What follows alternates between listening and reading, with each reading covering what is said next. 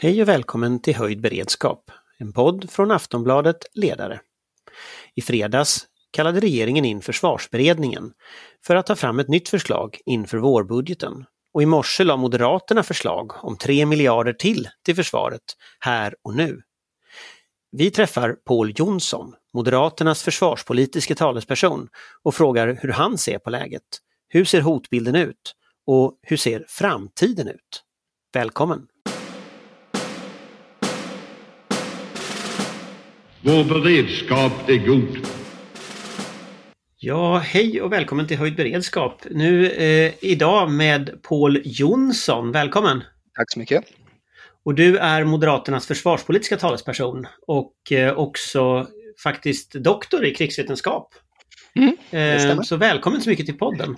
Tack så mycket, roligt att vara med! Ja, och förutom mig då, Anders Lindberg här, så är vi som är här är Amanda. Wollstad, Svensk Tidskrift.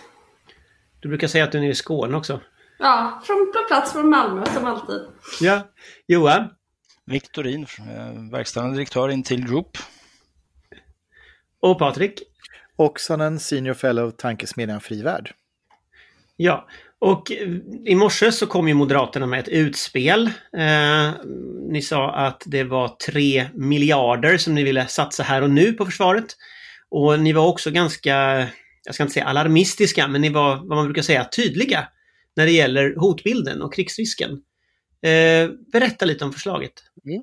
Så här då, vår utgångspunkt är ju att, eh, att Europa befinner sig i det allvarligaste säkerhetspolitiska läget på många årtionden. Vi har sagt från Moderaternas sida också att det finns ett före och efter europeisk och svensk säkerhetspolitik efter den 17 december när Ryssland la fram ett eh, krav på legalt bindande avtal som både skulle begränsa vår säkerhetspolitiska handlingsfrihet och bli medlemmar utav NATO och det skulle också kraftigt beskära vår internationella övningsverksamhet. Naturligtvis totalt oacceptabelt i kombination med att vi också såg den största ryska militära styrkeuppbyggnaden i, i modern tid helt enkelt. Så ett mycket allvarligt säkerhetspolitiskt läge. Och det gör att vi behöver agera här och nu, är vår uppfattning. Eh, vi har ju framfört att eh, försvarsberedningen bör kallas in. Det är regeringens forum för utformning av säkerhets och försvarspolitiken tillsammans med riksdagens partier. Vill man ha enighet så ska man använda försvarsberedningen. Eh, det är bra nu att regeringen i fredags signalerar att man vill kalla in försvarsberedningen och eh, bör vidta åtgärder. Det problem som vi har med det förslag som har presenterats det är att eh, försvarsministern har föreslagit att det ska komma förstärkningar redan nu i vårändringsbudgeten. Bra, gott så, men det ska bygga på omplanering, att man ska använda och tidigare lägga resurser som är avsatta för 23 till 25. Eh, vår bedömning är att nya förslag måste komma med nya additionella ekonomiska medel eh, och det, att det långsiktiga inte får ställas mot det kortsiktiga. Därför föreslår vi nu i, i omedelbart i vårändringsbudgeten har vi föreslagit ungefär 3 miljarder som man kan lägga för att förstärka både det militära och det civila försvaret. När vi har tittat på vad är det då man kan göra så har vi tagit rakt av det som Försvarsmakten själva har påpekat att man ville ha i totalförsvarsbeslutet men som ju inte, inte kom med. Ni vet de här 17 utestående punkterna. Eh, det handlar ju om ammunition, robotar, drivmedel, mängdmateriel, övningstimmar, sånt som ger operativ effekt eh, här och nu. Eh, eh, och det, det skulle vi skapa ett utrymme för. Vi har också framfört att vi ser behovet av att stärka det civila försvaret och även, även cybersäkerheten. Så de problem vi har just nu då kopplat till förslaget då, det är eh, dels att de, att de förslag som verkar komma från regeringen inte kommer med additionell och ny finansiering. Regeringen har inte heller pressat no, presenterat något förslag hur man kan stärka den civila beredskapen och det civila försvaret. Och det där är ett problem, både för att vi måste stärka samhällets motståndskraft vid, både vid kris och krig, men det handlar också om att vi ska få effekt av försvarssatsningarna så måste också det civila försvaret funka och vara på plats. Så det var det första som vi sa. Det andra som vi sa att nu när vi är klara efter, efter den 15 mars då med, med de här åtgärderna här och nu så vill vi att försvarsberedningen ges i uppdrag att göra en säkerhetspolitisk omvärldsanalys så att vi i bred enighet kan dra slutsatser slutsatser av det som har hänt och också att man då ser över finansiering och genomförandetempo för åren 23 till 25 eh, på, på det här försvarsbeslutet. Det kanske måste till mer medel på de åren också och eh, tidigare lägga insatser så att de antaganden som gjordes för förra året när försvarsbeslutet gjordes, eh, ifall de verkligen håller. Kan vi göra det i bred politisk enighet i försvarsberedningen så är det bra. Sen vet ni sedan tidigare också att Moderaterna Moderaternas linje har ju varit också tillsammans med Kristdemokraterna att mer medel måste komma 26 och 27, 5 miljarder ytterligare per år då, eh, just för att kunna genomföra försvarsberedningens förslag och ÖBs militära råd i dess helhet. Men om man tittar, men ja. jag skulle få en sak. När ni säger 3 miljarder, hur kom mm. ni fram till det? Vi tittade på de objekt som Försvarsmakten hade spelat in till försvarsberedningen eh, när det kommer till mängdmaterial, när det kommer till reservdelar, ammunition. Sen har ju vi ett, eh, ett Excel-ark eh, som vi tittar på kostnadsbedömningarna per objekt för, för det militära försvaret. Så på de utgångspunkt för dem vi hade och också de beredskapsförstärkningar som man skulle kunna göra på det civila försvaret. Men, men, verkligen... det är ut, men det är uthållighet ni pratar om, det är ja. egentligen inte någon ökad förmåga utan det är uthållighet av nuvarande förmåga som ni är ute efter? Det är uthållighet och beredskap som, som ÖB själv har påpekat att det finns uppenbara brister på, på de kriterierna som vi vill stärka här och nu. Så det är inte finansiering för att finansiera till exempel ökade kostnader för strategiska materielprojekt. Vi vet att månen drar ihop sig även på det området, utan det här är här och nu satsningar för att öka Försvarsmaktens uthållighet och, och beredskap och tillgänglighet. För, för, en fråga som jag har fått när vi har mm. diskuterat frågorna förut, det, det, är liksom varför kan inte försvarsutskottet göra detta? Varför måste försvarsberedningen kallas in? Och vad är egentligen det som försvarsberedningen nu kan, alltså vad, vad ligger i, i vad försvarsberedningen kan göra? Vad kan man mm. åstadkomma nu? Mm.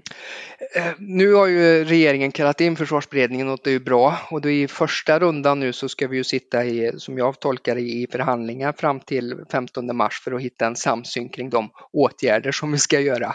Eh, och sen hoppas jag verkligen också att försvarsberedningen får det här uppdraget att göra den säkerhetspolitiska omvärldsanalysen och föreslå åtgärder för att stärka försvaret också från, från 23 till 25.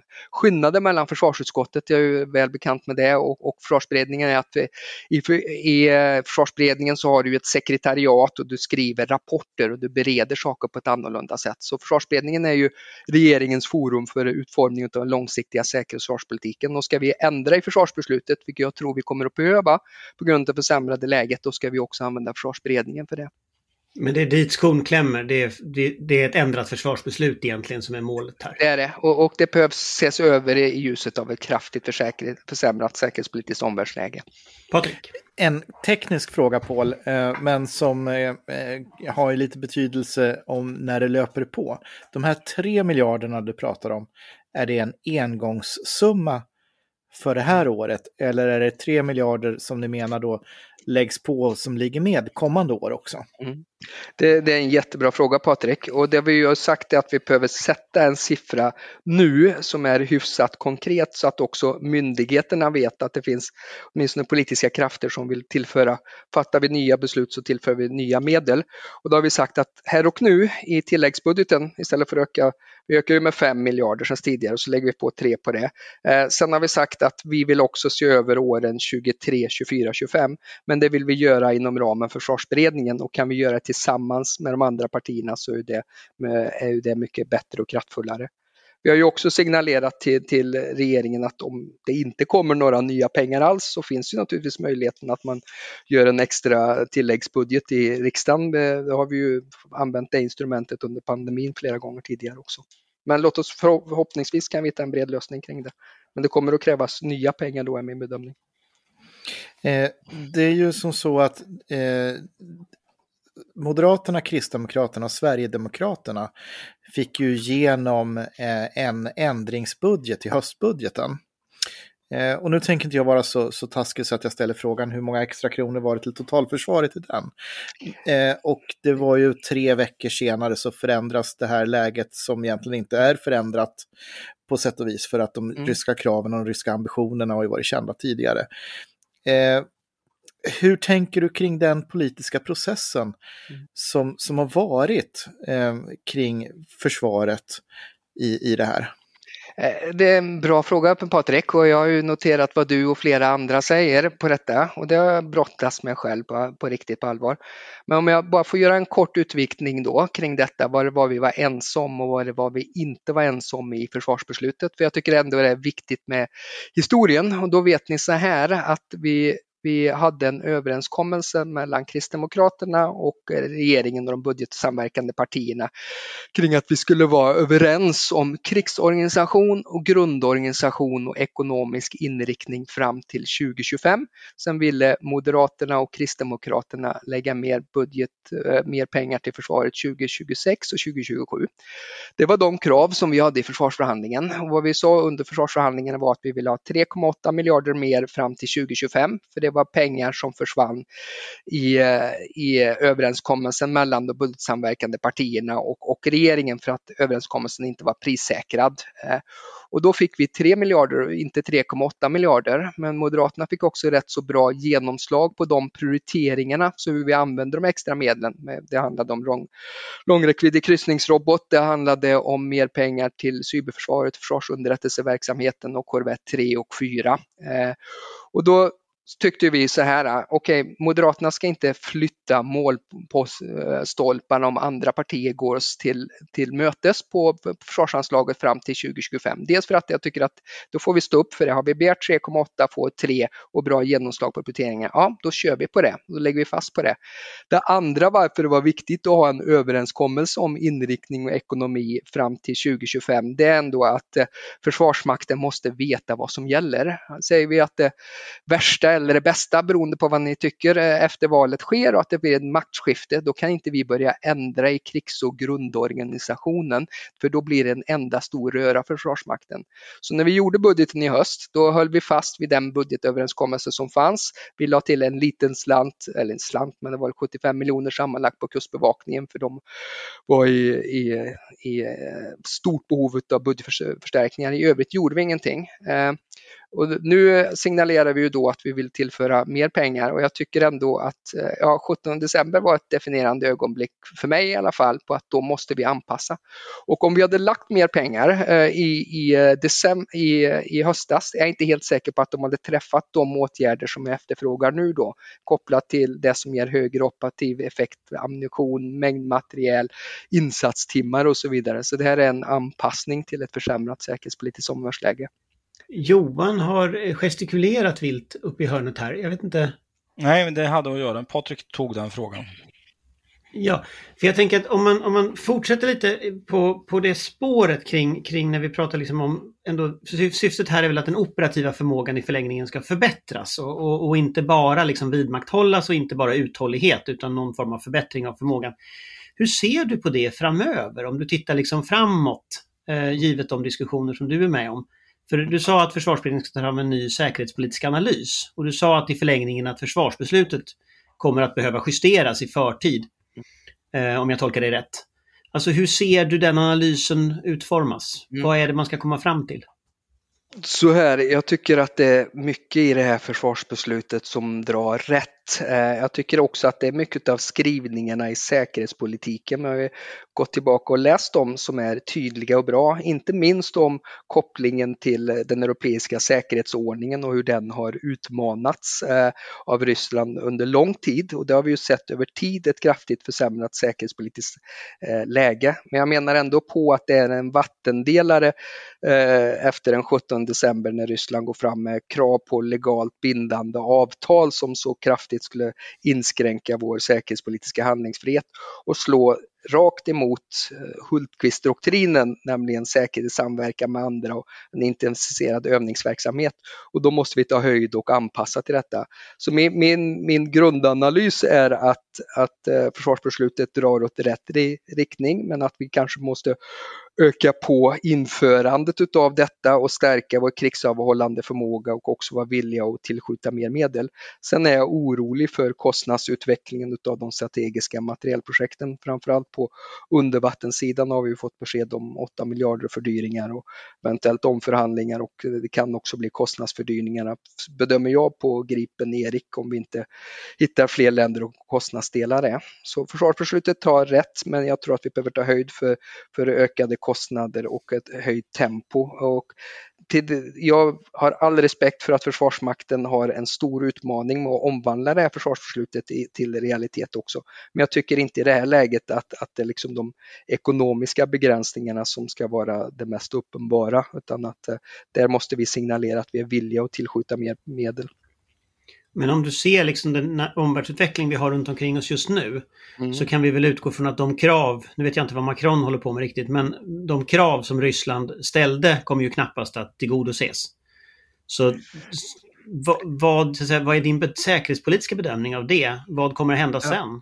Eh, de, de, ryska kraven kommer ju, eh, bedömer jag, inte att försvinna och de kommer heller inte att kunna tillmötesgå.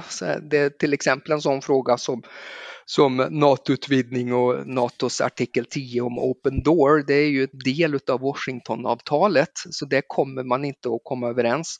Om jag får eh, och oavsett, vågar jag påstå, om Ryssland verkligen gör en storskalig invasion, om det värsta händer utav Ukraina, eller att man gör någonting annat, så bedömer jag att vi har ett, eh, ett eh, försämrat eh, säkerhetspolitiskt omvärldsläge och, och förhålla oss till, så, som är en realitet. När jag var nere på Bryssel, på NATOs högkvarter igår, så pratade man ju mycket om att man gör ju nu förstärkningar.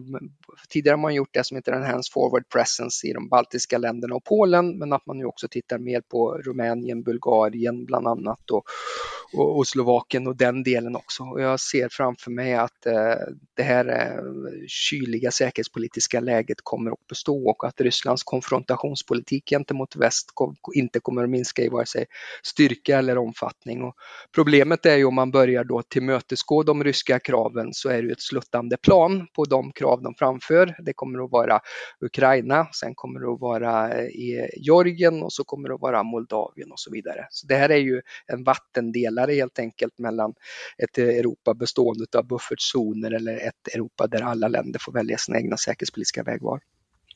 Johan?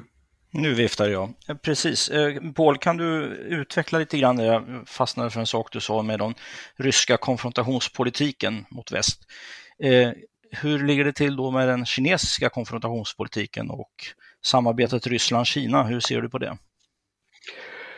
Ja, att, att det är växande och tilltagande och det har vi väl sett lite prov på, lite, men kanske mer utav lite fyrverkeripolitik när Kina har varit och gjort marina övningar i Östersjön vid två tillfällen under de senaste åren. Det är kanske ingenting som har ett militärstrategiskt värde, men det är ju signal. Men det är klart att vi reagerar ju rätt så starkt när vi hör att Kina numera har synpunkter på om NATO ska få utvidgas eller inte. Och det verkar som att, att det strategiska partnerskapet växer sig starkt starkare.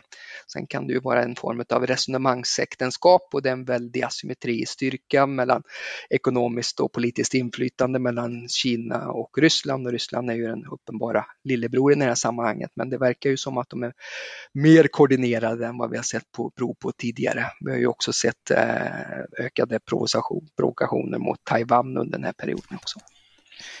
Jag skulle bara vilja fortsätta bara följa på där därför att eh, det här resonemangsäktenskapet, jag skulle vilja säga att det har skett liksom en tröskelförändring där, därför att fram till 2018 så var alltså Sverige ett land som investerade mer i Ryssland än vad Kina gjorde. Det har ju ändrat sig lite grann sedan dess då, men, men, men, men nu så avmarscherar man mer än hälften av förbanden i det östra militärdistriktet till västra Ryssland och Belarus. Och det säger ju någonting om att det är på en annan, den där misstänksamheten som har funnits genom historien och som har lett till krig via murfloden etc. Den, den verkar inte finnas där riktigt, för då hade de aldrig flyttat så mycket resurser. De, de är säkra på kineserna, eller känner sig säkra på kineserna i det avseendet. Vad, hur, vad tänker, kommer, kommer försvarsberedningen i sin analys ta höjd för en axis, en, en axel mellan Ryssland och Kina? Mm.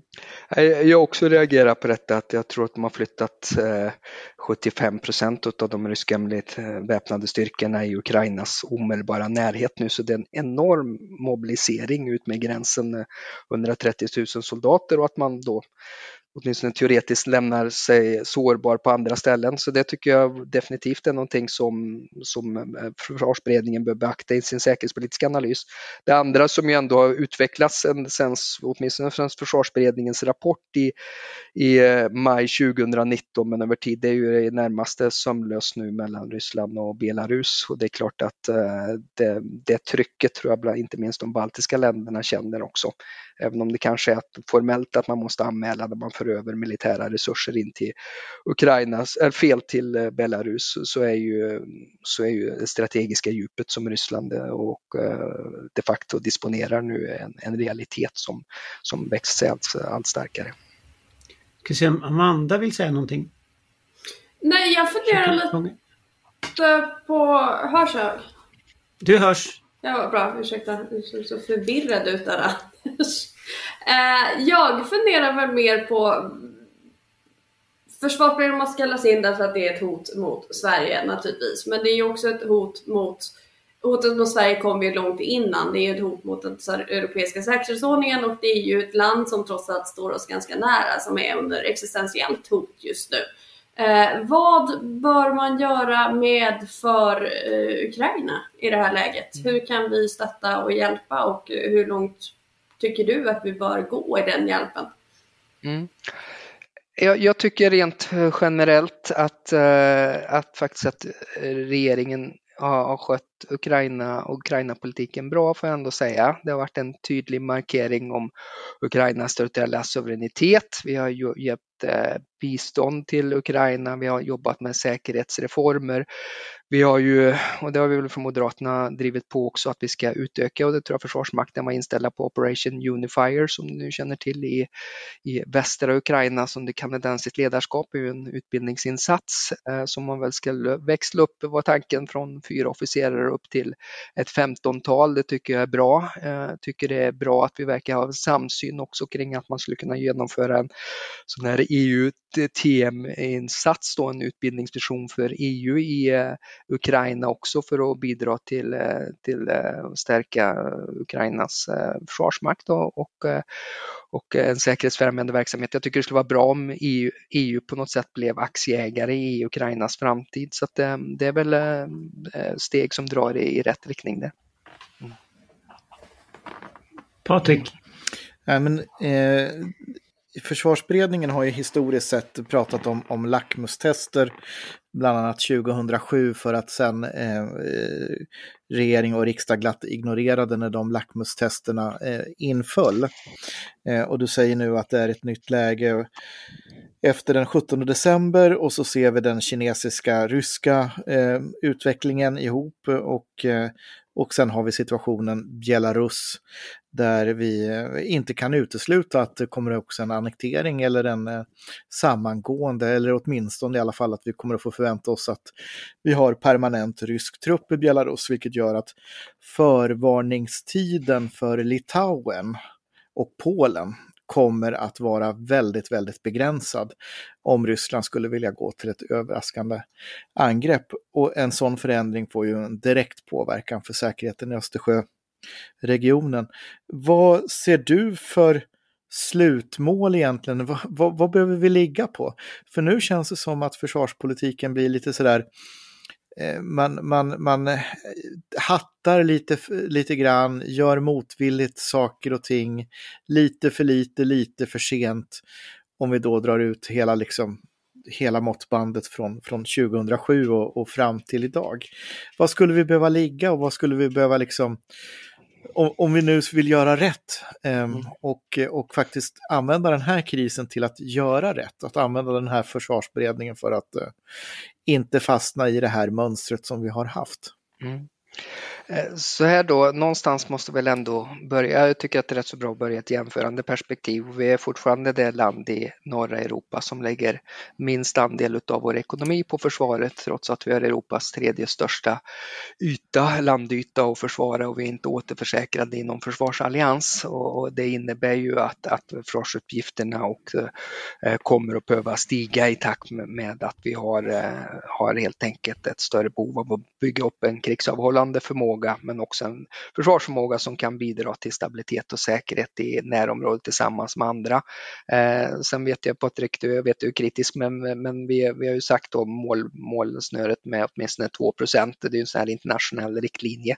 Eh, ja, vi har stämmobeslut på det. Jag ska inte sitta och lova någonting annat än det vi har stämmobeslut för men jag tror vi får en ödmjukhet inför att vi kommer att behöva betala mycket mer på försvaret än vad vi har gjort utav vår andel av ekonomi de senaste tio åren utan att vi kommer att behöva gå upp mot eh, 2 det bedömer jag. Men vi får väl börja i vilka förmågor vi vill ha. Om jag ändå får lägga till en sak till som jag inte tycker att vare sig det försvars, försvarsbeslutet riktigt tar höjd för eller som vi behöver göra mer så är det ju i, i gråzonen mellan krig och fred då. Vi har en hel del brister när det kommer till, till vår motståndskraft mot eh, de här dolda och förnekbara metoderna som vi ser att främmande makt, framförallt Ryssland och Kina använder. Tänker till exempel på cybersäkerhetsområdet. Vi skulle behöva göra mer också i det här gränssnittet mellan warfare och lawfare, det vill säga eh, åtgärder mot eh, desinformation och propaganda. Nu kommer ju det naturligtvis med den nya myndigheten Eh, utländska direktinvesteringar i kritisk infrastruktur. Där börjar vi jobba på saker på plats, en ny säkerhetsskyddslag. Eh, det här är också saker som vi kommer att behöva jobba med eh, strukturellt under, under rätt så lång tid framöver och det kommer också kosta en hel del pengar för att, och täppa till de brister som vi har där. Men jag tänker, det du pratar om, saker du pratar om nu, de har ju ändå ganska lång, det är ändå ganska lång sikt som, som, som det handlar om. Eh, alltså om man, om man tittar nu omedelbart, om man tittar de som liksom läser tidningen nu och lyssnar på detta, eh, så ser man ju väldigt tydligt att OS är slut om någon vecka, eller ja, mer, lite, två, två veckor. Eh, marken är fortfarande frusen i östra Ukraina. Det är inte alls otänkbart att någonting i den större skalan händer. Om du ska liksom titta in i framtiden nu, givet liksom din utsiktspunkt. Mm. Vad är det vi behöver förbereda oss för i Sverige och vad är det liksom människor behöver förbereda sig på som kan hända? Vad tror du? Mm. Ja, jag vill ogärna Krigsrisk sa ni i morse va? Tror jag. Eh, jag tycker att för, för ett, om man med krigsrisk säger att det är en storskalig rysk invasion av Ukraina så bedömer jag att risken för det har ökat över tid och att ryssarnas nu jobbar systematiskt för att skapa all handlingsfrihet för att kunna göra det. Det tycker jag det, det agerandet som Ryssland visar upp på marken att, att det är, att det är en, en option som ligger i korten. Sen kan det genomföras på olika sätt och olika spekulationer men, men den eh, exempel på en sån stor rysk styrkeuppbyggnad som vi har sett nu, det, det här är någonting annat än Zapad 2021 eller den styrkeuppbyggnad som Ryssland gjorde förra våren. Eh, så att det, det tycker jag är, är, befogat att prata.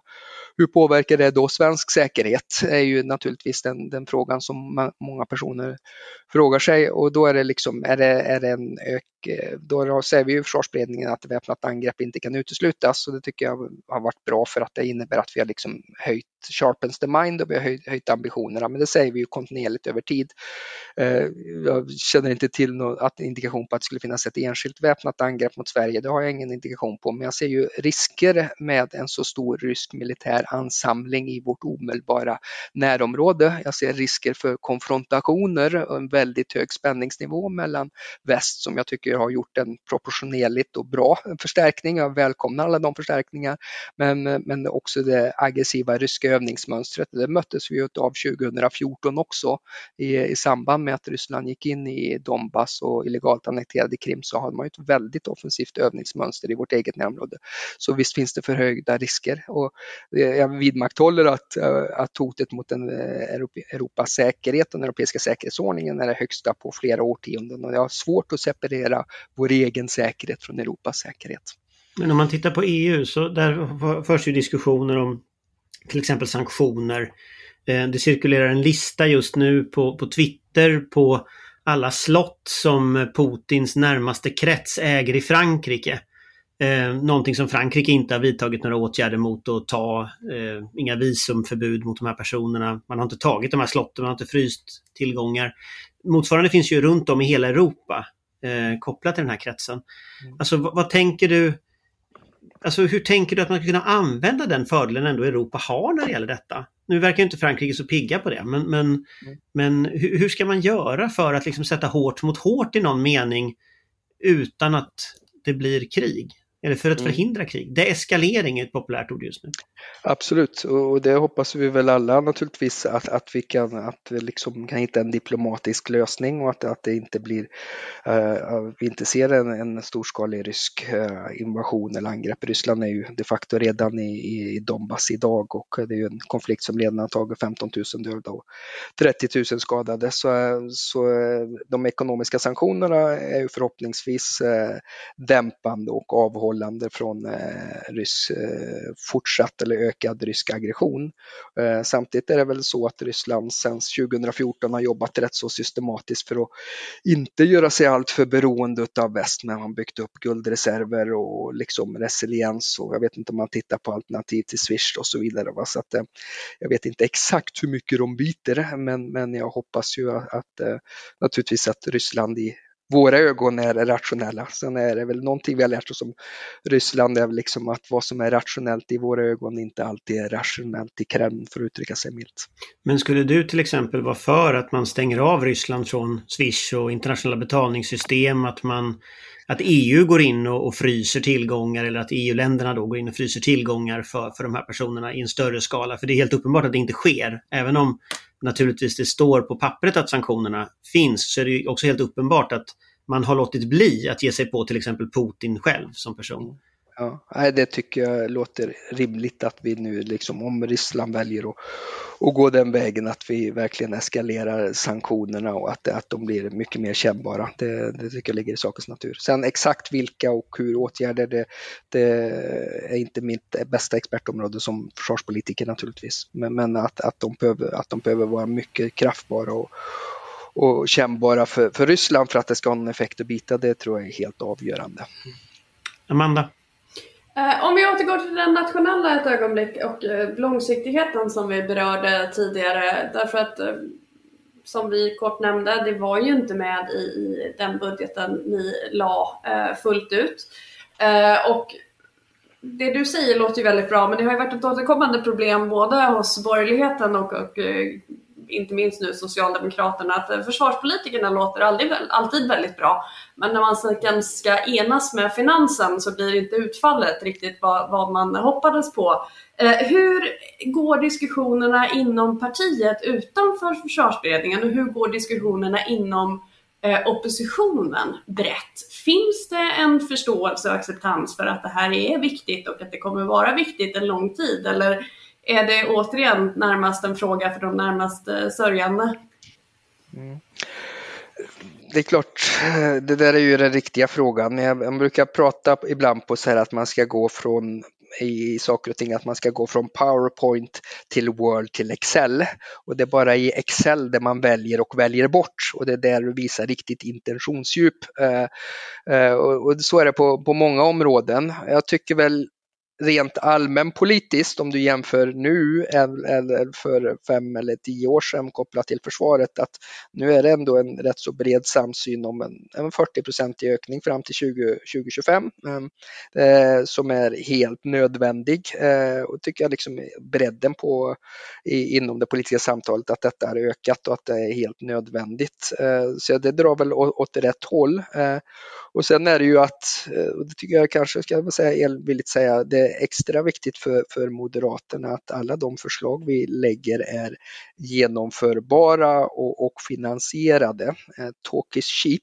Eh, det är, och eh, därför försöker jag inte, jag har aldrig hävdat till exempel att jag har mer pengar än regeringen fram till 2025 less is more för mig. Det, det, är viktigt att det är genomarbetat och, och eh, väl underbyggt. Eh, alltså, om man säger så.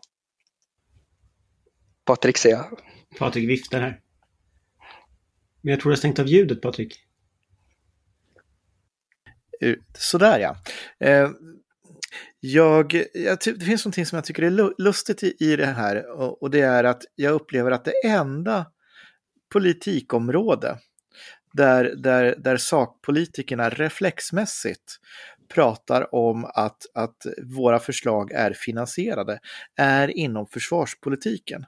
Mm. Eh, du hörde aldrig i, i andra politikområden, eh, i socialpolitik eller, eller kriminalpolitik eller i kulturpolitik. Mm. Varför är det alltid så att den här reflexen måste finnas med i försvarspolitiken?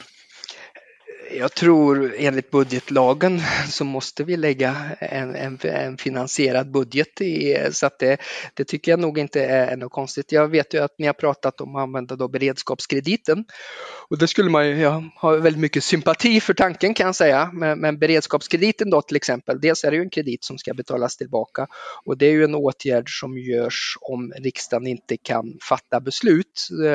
Det kan det vara att man är på väg in i en krigsdelegation eller någonting sånt där så att, eh, eh, som gör att man har, har den möjligheten. Och där är vi inte. Det vi ju ändå har lärt oss under pandemin, det är ju att, att snabbt fatta eh, tilläggsbudgetar och finansiering på många miljarder.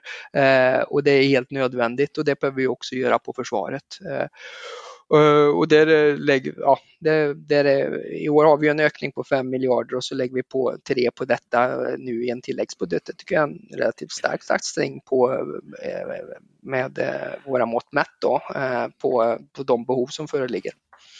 Och sen jämför mm. vi det då med pandemipolitiken där jag tror att man har lagt 400 miljarder på att hantera effekterna av, av pandemin. Mm.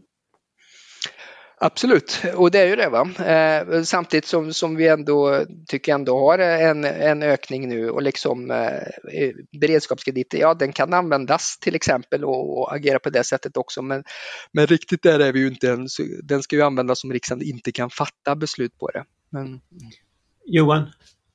Nej, jag tänkte bara säga att jag uppfattar att det finns väl indikationer på att, att försvarspolitikerna då har ett annat gehör nu i det här läget. Jag tänker att du uppträder med din partiledare här och eh, då är ju det förankrat, det är ju det som signalen säger. Och på samma sätt så ser vi statsministern ut och besöker ett förband idag. Eh, så att det finns ju en helt annan liksom, jordmån då eh, för att få gehör för de här synpunkterna. För vi har ju all respekt förstås att, att ni som försvarspolitiker ska liksom tävla i någon mening med era andra eh, eh, politikområden så att säga och, och passa partiets profil bra. Men där tycker jag att det verkar som att det har skett en islossning helt enkelt. Och det, och det brukar ju bli så när verkligheten tränger sig på att, eh, eh att man får bredare gehör och det blir upprioriterat helt enkelt. Och som jag eh, har skrivit i något sammanhang att fysisk säkerhet slår ju all annan säkerhet i alla lägen egentligen.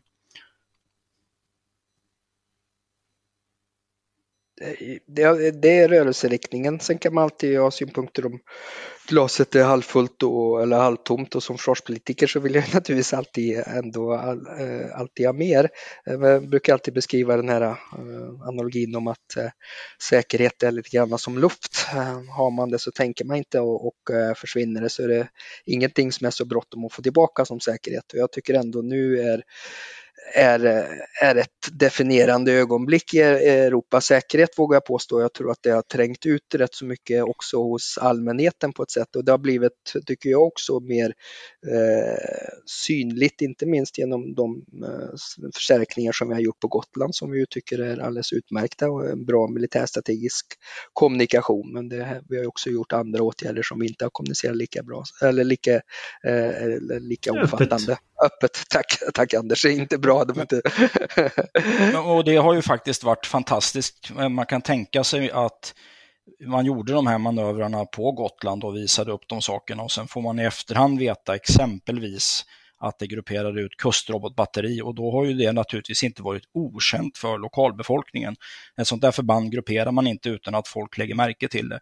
Men ändå har det inte cirkulerat någon information. Jag har inte uppfattat det förrän den här artikeln var ute och det är ett fantastiskt gott betyg på alla de svenskar som, som liksom tiger och, och ställer upp på de beredskapsanpassningar som eh, vi gör både i Försvarsmakten och annorstädes.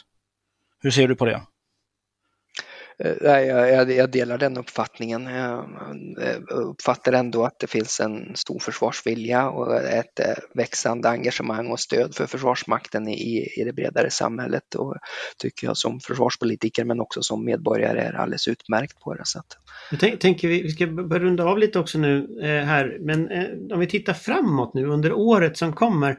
Förra gången det var en riktigt stor säkerhetspolitisk kris var ju när ryssarna invaderade Ukraina förra gången 2014. Strax därefter kom ett svenskt val som inte handlade om det överhuvudtaget. Det var inte med i partiledardebatter, det var inte en fråga som diskuterades särskilt mycket. Eh, nu kommer en eh, val igen och det kommer en säkerhetspolitisk kris igen. Eh, tror du det blir annorlunda denna gång? Är det här någonting som du tror folk kommer att liksom intressera sig för under valrörelsen?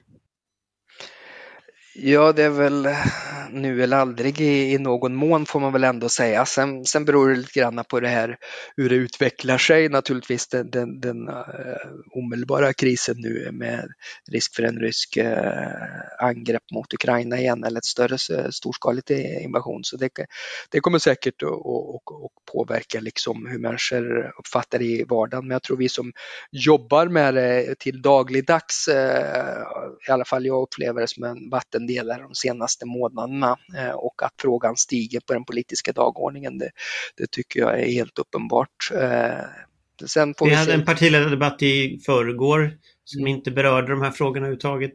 Mm.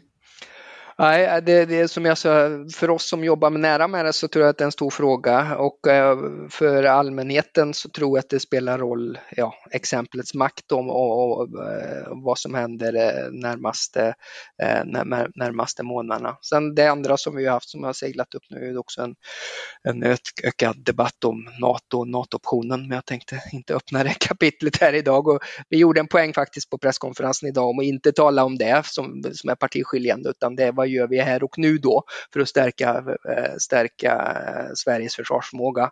Sen kommer vi nog att gå in i en varelse där, där eh, de olika politiska alternativen har olika uppfattningar i den frågan. Men det, det kan inte hindra oss från att vidta åtgärder här och nu för, för att stärka den nationella försvarsförmågan. Nej, det där du säger nu det tycker jag är oerhört viktigt. Att man nu fokuserar på vad som är gemensamt. Mm. Därför att det är det som också kommer att behövas. Men tittar du på de här pengarna ni föreslog idag om du får liksom ta kristallkulan nu, för jag, jag, har inte noterat några större reaktioner någonstans ifrån och försvarsberedningen. Jag vet inte om ni ens har hunnit börja arbeta än. Eh. Jag tror att vi fick mejl idag för att nominera kandidater och den enda som är eh, är eh, förordnade ordföranden i försvarsberedningen Niklas Karlsson och sen ska ju alla partier då nominera eh, representanter och sen ser jag framför mig att första mötet kommer att äga rum eh, någon gång i mitten av nästa vecka. Och så kommer vi att jobba rätt så intensivt då med fram till 15 mars där vi ska hantera vårändringsbudgeten och förhoppningsvis också att vi får förlängt förordnande efter det och göra en säkerhetspolitisk analys. Men tror du att ni kommer att få igenom det här förslaget som ni la idag? Är siktet så att säga på att få igenom det? Eh, har ni haft några förkontakter med andra partier kring den frågan eller? Är det här ja. någonting ni liksom kör nu bara? Nej, jag, jag, tycker ändå att vi har gjort eh, ett arbete kring det. Vi är åtminstone fem partier, sex partier var ju ensamma om att försvarsberedningen bör kallas in. Och sen har vi ju varit ett antal partier som har pekat på att det civila försvaret måste inkluderas i, i de här förstärkningsåtgärderna, för de, de saknas ju idag. Och sen också är vi ju fem eller sex partier också som sagt att den säkerhetspolitiska analysen måste till. Och åtminstone tre partier har ju att nu måste vi också tillföra nya medel så, så det alternativ som vi har om vi inte skulle komma fram i, i eh, försvarsberedningen, försvarsberedningen, och säga med kopplingen mellan att nya åtgärder också kräver nya pengar, då får vi överväga att ta det via en extra tilläggsbudget i, i riksdagen om vi, om vi, inte, om vi skulle misslyckas och komma överens i försvarsberedningen om också additionella eller nya pengar. Så resonerar vi i alla fall. Eh, eh, jag, jag, märker ju i riksdagen att det finns ett, ett stort stöd för, eh, för försvarsberedningen som institution. Jag tycker att det är viktigt att värna den både i form och innehåll. Jag tycker verkligen att den har levererat de sista två, två rapporterna, både med värnkraft och motståndskraft, inte minst tack vare ett utmärkt ledarskap av Björn von Sydow. Det är lite grann som när svensk försvarspolitik är som bäst, när vi kan samla oss till de här lösningarna. Sen gäller det bara att vi kan komma överens om finansieringen också. Ja, det blir väldigt spännande att se. Eh, och eh, till vårbudgeten så vet vi. Men tack så jättemycket för att du hade tid idag. Tack för att jag fick komma med. Tackar, tackar. Mm. Och vi kommer att ses igen nästa vecka. Så hej då! Hej då! Eh. Hej då. Hej, hej. Vår beredskap är god.